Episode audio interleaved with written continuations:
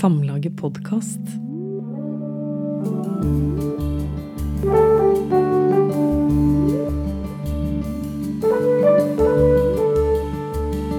Velkommen til Samlagets podkast. Jeg heter Olaug Nilsen, og i dag snakker jeg med Line Ylvisåker. Hun har skrevet ei bok om hunden Foxy. Foxy er en liten og svak hund som skal prøve seg i Iditarod, verdens vanskeligste hundeløp. Hei, Line. Hei, Olaug. Velkommen til Samlagets podkast. Takk.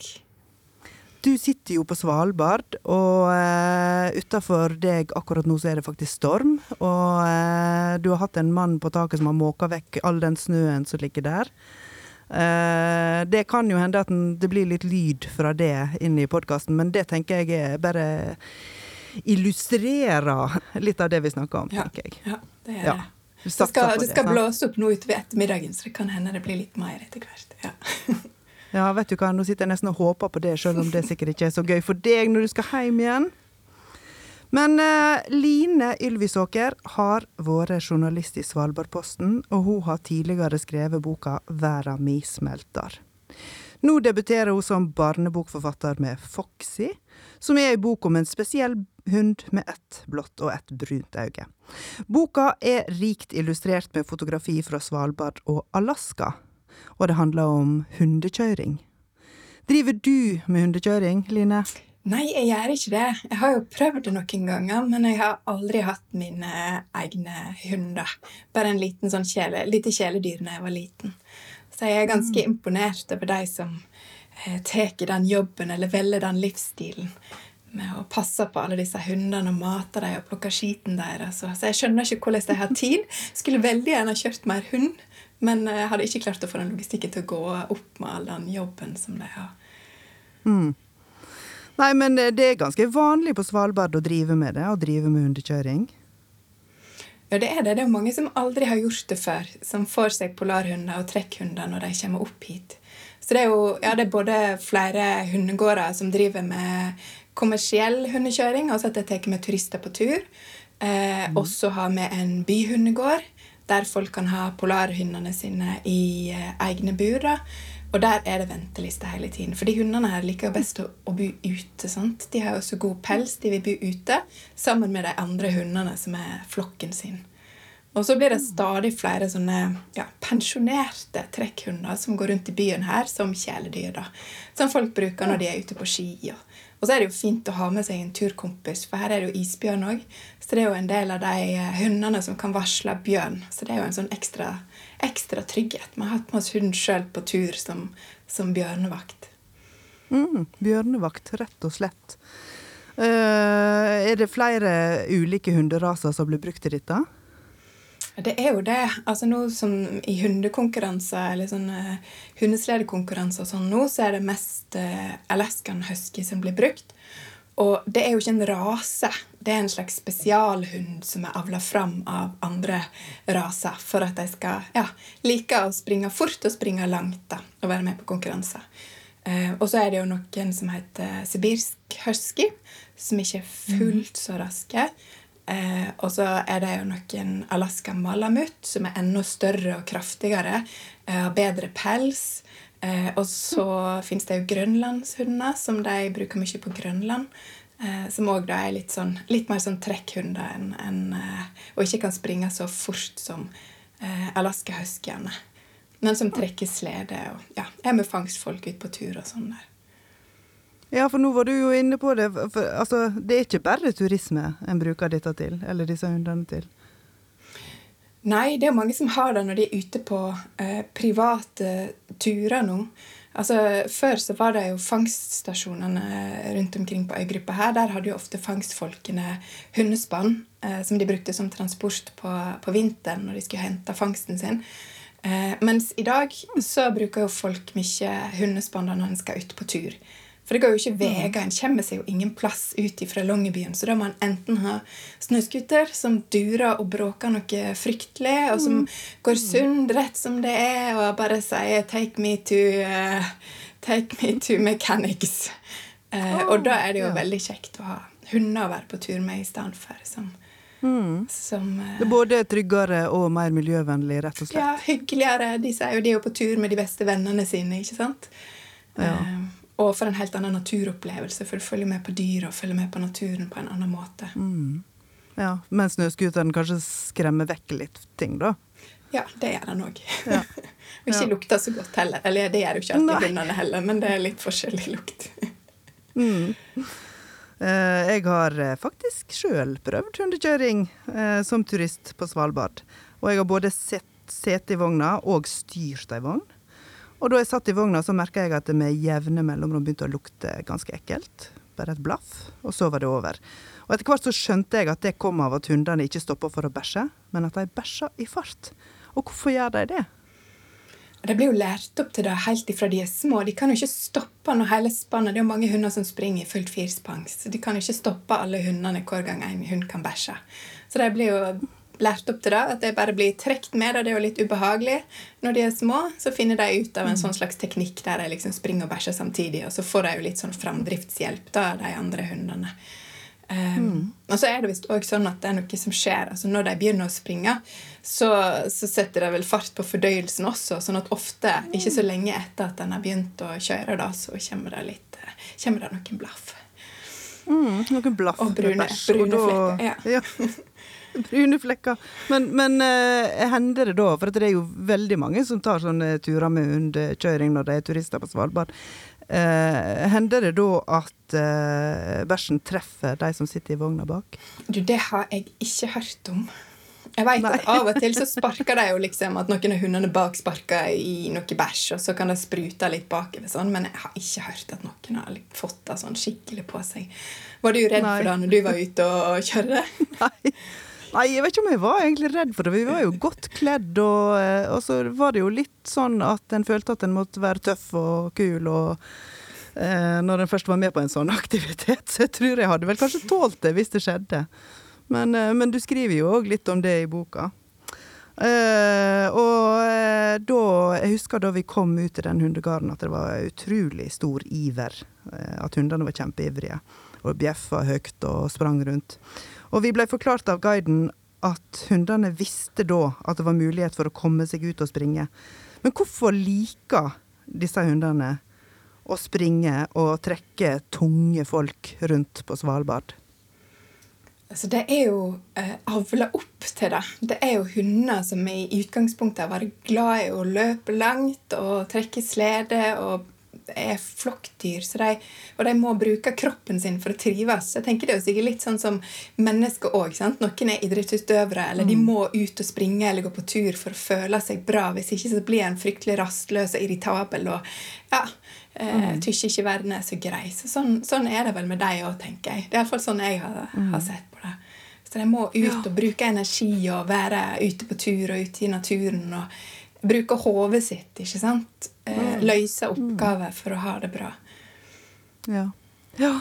Ja, og da føles det kanskje litt bedre òg, altså når en eh, kommer fra fastlandet. Kan vi si det sånn? Kommer fra fastlandet og er ikke helt vant med at hunder er i bur på den måten, da.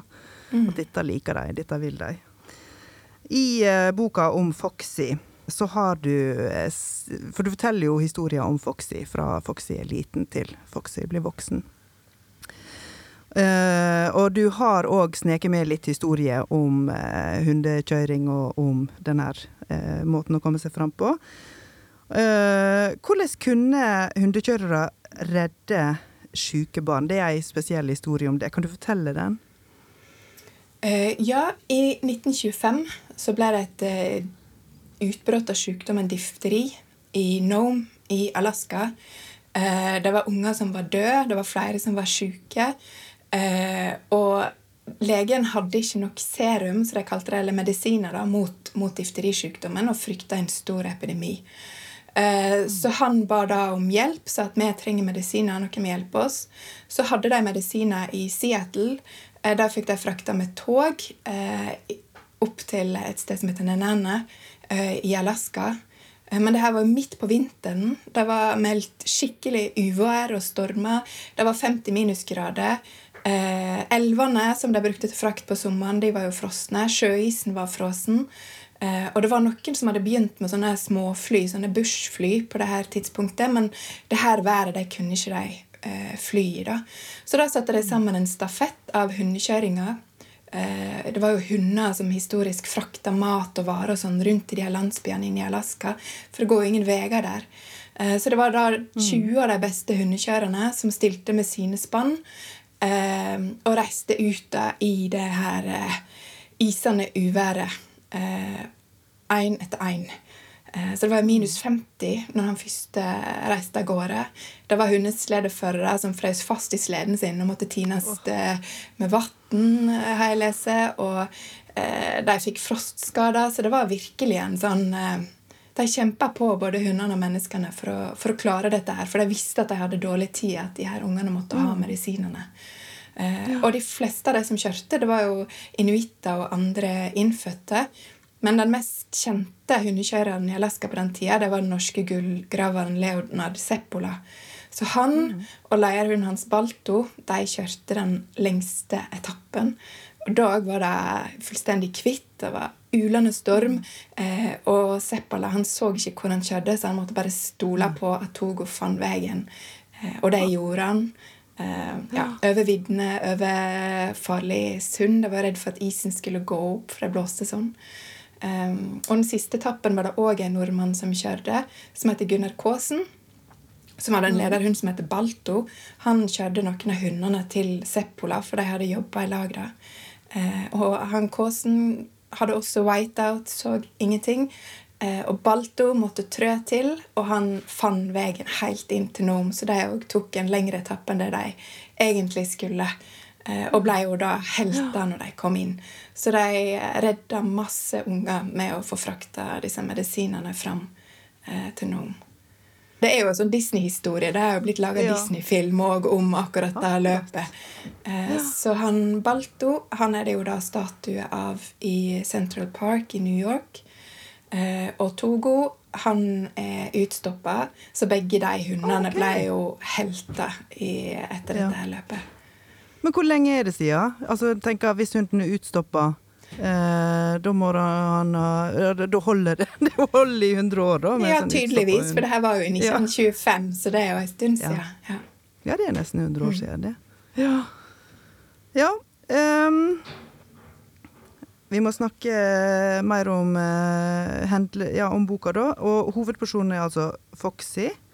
Uh, men det er òg en mann som er ganske sentral. Vil du fortelle om Tommy? Ja, Tommy det er jo eieren til Foxy.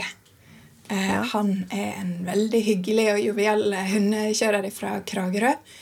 Eh, som var i Alaska helt på begynnelsen av 90-tallet. Da jobba han i dyrebeskyttelsen der. Mm. Og så adopterte han tilfeldigvis noen alaska-huskyer eh, som ikke kunne trekke seg igjen og var kastrert, og han kalte det bare for noen bompibjørner. Men han var veldig glad i dem. Da likte Lynne okay. veldig godt. og Det var liksom hunder som virka som at de var superlykkelige og bare få lov å være hunder og gjøre det hunder skal. Um, mm. Og seinere så fortsatte han med hundekjøring i Tromsø. Traff han ei kone som òg drev med, med hunder. Uh, og Tommy hadde en kompis som fikk kjærlighetssorg og bestemte seg for å trene hunder til å være med på løp. da, Være med på de her store hundekjøringskonkurransene som Finnmarksløp og sånn. Og da ble Tommy med. da. Eh, så sånn så ble han òg konkurransekjører. Og fikk låne hundespann og kjørte Finnmarksløpet bl.a. på fastlandet. Og så flytta han og familien til Svalbard og bygde seg mm. en, en hundegard her. Ja. Så der bor de ennå. Ja. ja. Men det, når du sier Og så ble han tilfeldigvis For dette, det, det, jo høres ut som utrolig masse arbeid da, og dedikasjon. Så det er litt sånn derre Så ble han tilfeldigvis begynte med, med hundekjøring. Ja, ikke med hundekjøring, men med konkurransekjøring. Ja, med konkurransekjøring. Ja, litt sånn lengre ja. løp, ja. Mm. Uh, fortell om Foxy. Hvem er Foxy? Foxy er ei eh, bitte lita tispe eh, som ble født i hundegarden til Tommy.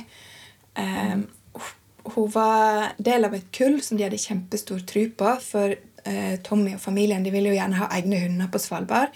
Eh, og han kjente jo masse hundefolk, så han hadde da fått opp ei, ei tispe som heter Kira, fra en av de beste kompisene sine, som hadde vært med på Finnmarksløpet før, og som hadde kjempegode gener.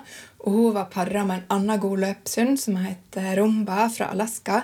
Så de var sikre på at det her kom til å bli skikkelig bra, robuste, sterke sledehunder. Og så var de hundene som kom ut, de var bitte, bitte små. Og minst av alle var da Foxy. Eh, og hun sleit med å ta til seg mat. Hun ble dytta vekk av søsknene sine helt ifra hun var født, og prøvde liksom å finne pattene til mammaen sin. Mm. Så hun var alltid ja, liten og svak, og Tommy hadde ikke noe tro på henne i det hele tatt, så han ville prøve å gi henne vekk til noen som var ja, mindre erfarne og seriøse hundekjørere enn han sjøl. Mm. Nettopp.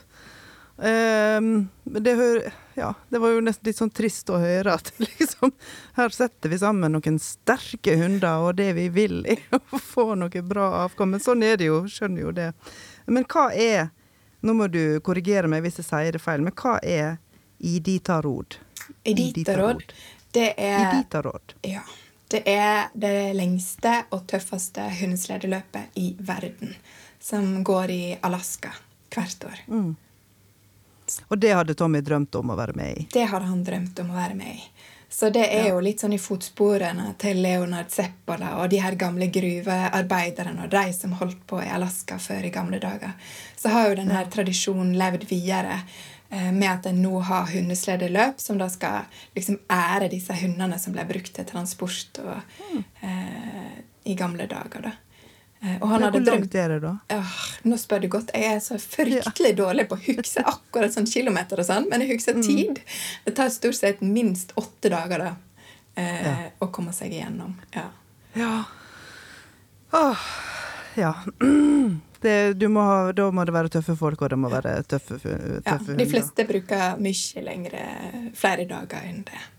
Så En Ja, kan bli fanga av hadde- snøstormer, en kan bli altså, Det kan skje masse underveis, så det er sånn skikkelig ja, styrkeprøve. En skal være skikkelig erfaren eh, hundekjører og, og med natur, det å være ute når en blir med på noe sånt. Og de må jo kvalifisere seg, så det er jo ikke hvem som helst som får lov å være med heller. Du må bevise at dette kan du. Ja, og da, må, da kan ikke han ha der, dette svake hundekullet som, eh, som han hadde fått. Og da, da hadde han jo andre hunder òg, ikke sant? Ja, han, han satte jo sammen eh, Han tok jo med seg åtte hunder fra Svalbard. Eh, Og helt tilfeldig da eh, så tok han med seg Foxy òg, for han kjørte treningsturer på Svalbard. Eh, og de fleste hundene som han hadde, de var for gamle til å være med på Iditarod. Eh, og så var det åtte av de hundene han hadde, bl.a. Foxy, som fikk være med. Så det var på den siste hundesledeturen, eh, sånn skikkelig lange testturen de hadde, så så han at hun var ivrig og fornøyd og glad når de andre begynte å bli litt slitne når snøen var litt tung. Og hun sprang jo fryktelig raskt. Men han var jo redd for at hun skulle slite seg fullstendig ut, at hun ikke skulle spare på kreftene. da. Eh, og så, men så var hun en av de som lederhundene eller lederhunden hans likte. Han hadde en lederhund som heter Atla, og han likte Foxy. Det var ikke alle han liksom eh, aksepterte, men Foxy det var liksom, hun var grei. Ja, så hun fikk være med, Selv Ja, om han så da fikk, fikk Foxy være med. Så tenkte jo Tom at ok, Ja. hun, hvis hun starter til rådet, så blir det sikkert lettere å gi henne vekk til noen snille hundefolk i Ja. Longyearbyen seinere. Ja. Ja, for da vil hun være merittert, Yes. rett og slett. Ja. Eh, Men eh, i boka så forteller du om hvordan den ene etter den andre av Tommy sine leierhunder blir ubrukelige for, for løpet. Eh, og en av de eh, heter Kaifa. Og du forklarer at hun nekta å se på Tommy. At hun, slutt, at hun ville ikke lenger se på han. Og hva var det egentlig som, som skjedde? Jeg kan lese akkurat det utdraget Ja. av boka. Skal jeg det? Ja, De var jo da på et treningsløp før Iditarod. For Tommy han hadde jo da fått ti nye hunder, så han måtte jo få dem til å eh, bli kompiser med de svalbardhundene sine og få disse her til å bli et lag og stole på hverandre. Så denne naturen var jo en del av det. da. Sleden laga en suselyd gjennom småskogen i skumringen. Lyden blanda seg med pesing og travende poter. Ellers var alt stille, før rennende vann sildra inn. De nærma seg ei åpen elv. Hun dampa i den frostkalde lufta. Framfor Foxy begynte Kaifa å nøle. Hun ville helst stoppe før potene trefte vannet. Kom igjen, Kaifa, Kaifa, Kaifa, oppmuntra Tommy. Kaifa tok sats. Foxy fulgte like bak. Det var så dypt at hun måtte sømje. Bare midt i elva var ei grunne der potene fikk feste. Kaifa holdt lina strak og passa på at hundene ikke vikla seg sammen. Hun så stolt ut da alle var kommet trygt over på den andre bredda, strekte seg og kikka forventningsfullt på Tommy. Etter elvekryssinga pleide han å gni hundene inn med snø for å få bort fukta i pelsen. Han pleide òg å ta av de våte, kalde hundesokkene, men nå kom han ikke. I stedet skunda han seg tilbake ut i elva. Hundene i det siste spannet de sprang forbi, hadde fått panikk i det iskalde vannet. Noen hadde svømt fram, andre tilbake, og så hadde de surra seg inn i hverandre. De kava og holdt på å drukne. Hundekjørerne deres klarte ikke løykestad floken alene, så Tommy vassa så fort han kunne ut i elva. Og med isvann til livet fikk han tak i de fremmede hundene, fikk de løs og hjelpte de inn på land. Og så sprang han ut i elva en gang til for å hjelpe enda et spann. I mellomtida lå Kaifa, Foxy og de andre slitne og klissblaute rett på den kalde snøen. Det var rundt 20 minusgrader i lufta. Vannet i pelsen frøs til is, og Kaifa forsto nok ikke at Tommy måtte hjelpe andre hunder som var i nød. Hun forventa ros og kos for at hun hadde fått med seg hele spannet over elva, og Kaifa følte trolig at Tommy hadde svikta dem. Så da han kom tilbake, nekta hun å se på han. Og det er ikke bare da hun nekta å se på han, fordi at eh, nå, hun vil ikke lye han da lenger, rett og slett. Nei. Etter den erfaringen. Nei. Nei, for Kaifa var jo en hund som han hadde fått lånt. Eh, så de hadde ikke bygd opp det her eh, tillitsbåndet helt ifra hun var kvalp. De hadde ikke kjent hverandre mm. så lenge. Eh, så han klarte liksom aldri å forklare Kaifa hvorfor han ikke fikk skrytt av henne og stelt henne sånn som han skulle ha gjort. da. Så hun mm. mista tilliten til han for, eh, for godt. Mm. Men han gjorde rett, må vi jo si. Men det sier jo òg litt om bandet mellom eh, hundekjøreren og, og, hundene, og hvor, eh, hvor, involvert og engasjert en må være som, hunde, som hundekjører. Mm. Vi skal ikke røpe hvordan eh, det går med Tommy og Foxy i, i Dita-råd, men du røper jo sjøl helt først i boka at det faktisk er Foxy som må lede det hundespannet i løpet. Hvor vanlig eller uvanlig er det at en i utgangspunktet svak hund blir sterkere når han eller hun vokser til? Oi, det er jeg usikker på hvor vanlig det er, men jeg tenker jo at uh, det fins ulike typer styrke da, hos mm. levende vesen. Og at ikke nødvendigvis muskelstyrke er, alltid er det viktigste. Og Foxy mm. viste vel det at i henne burde det mye mer enn det Tommy hadde sett. Eh, så når hun fikk sjansen, så kunne hun mm. vise hva hun faktisk eh, dugde til. Ja. Og det gjelder nok flere. At får en sjansen ja. og bli, ja, får en tillit, eh, så gir han nok mer og ja, kan i større grad eh, skinne enn det mm. en får gjort ellers. Og det gjelder både hunder og mennesker? Ja, det tenker jeg gjelder både hunder og mennesker.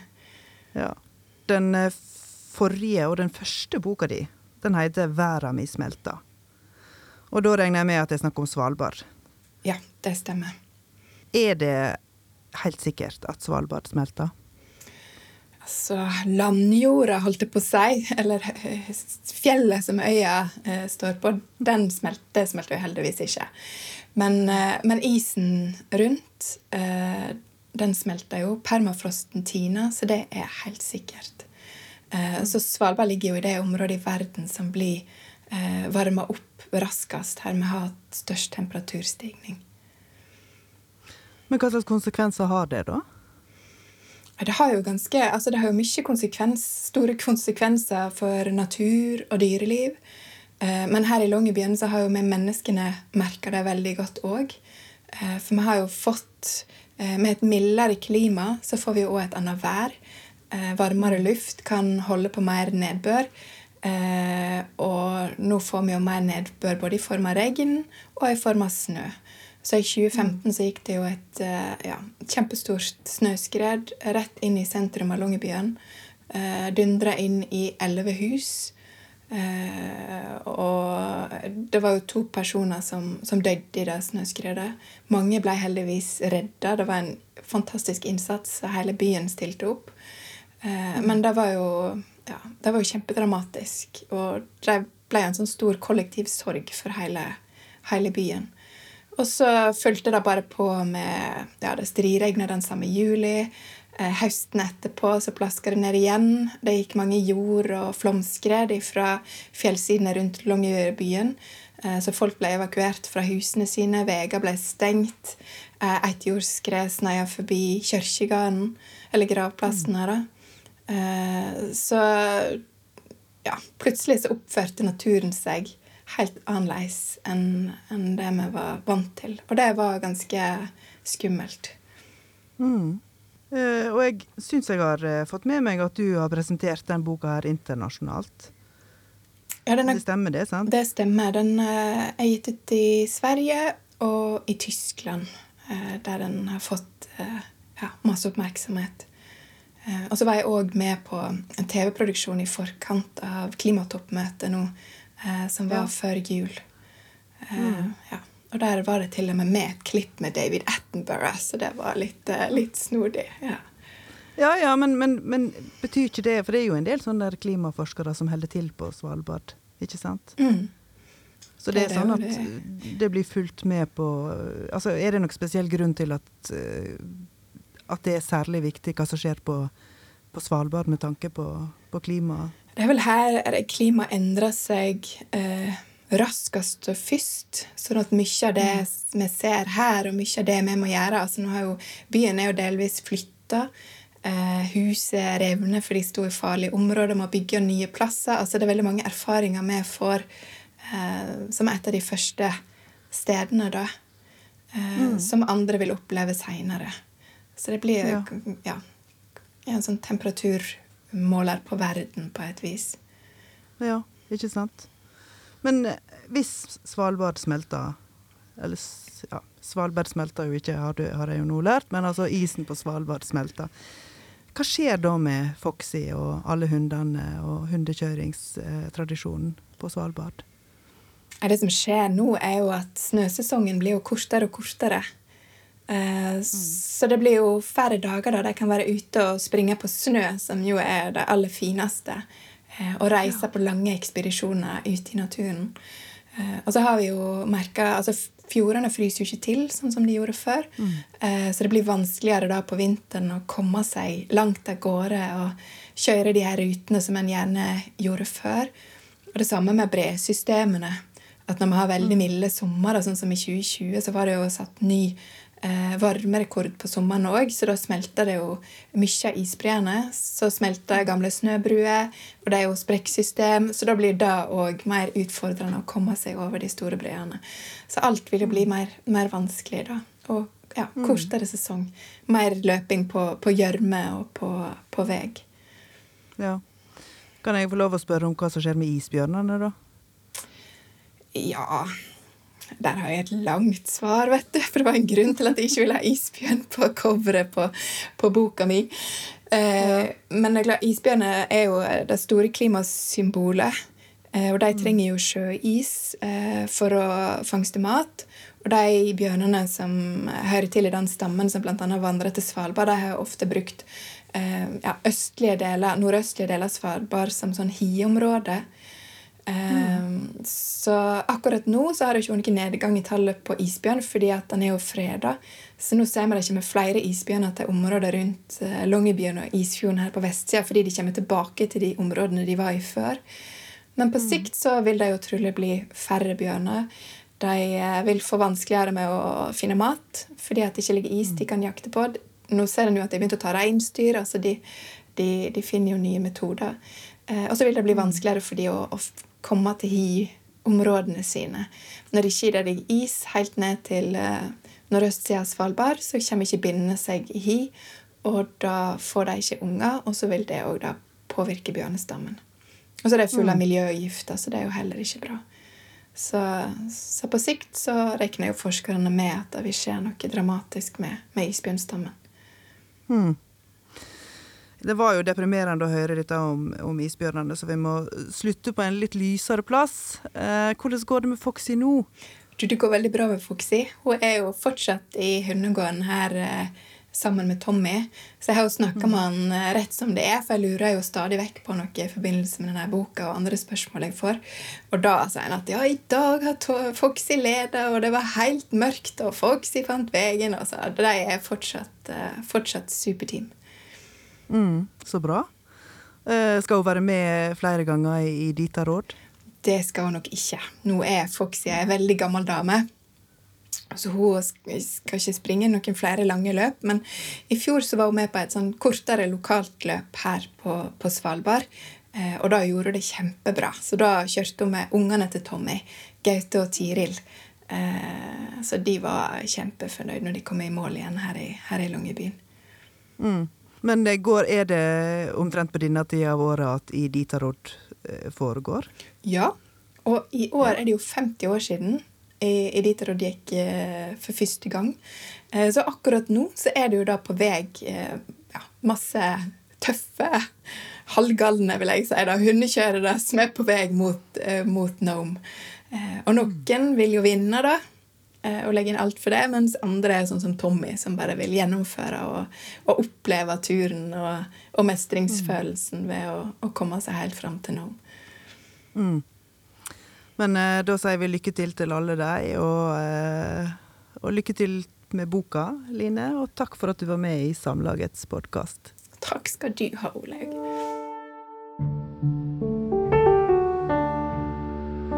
thank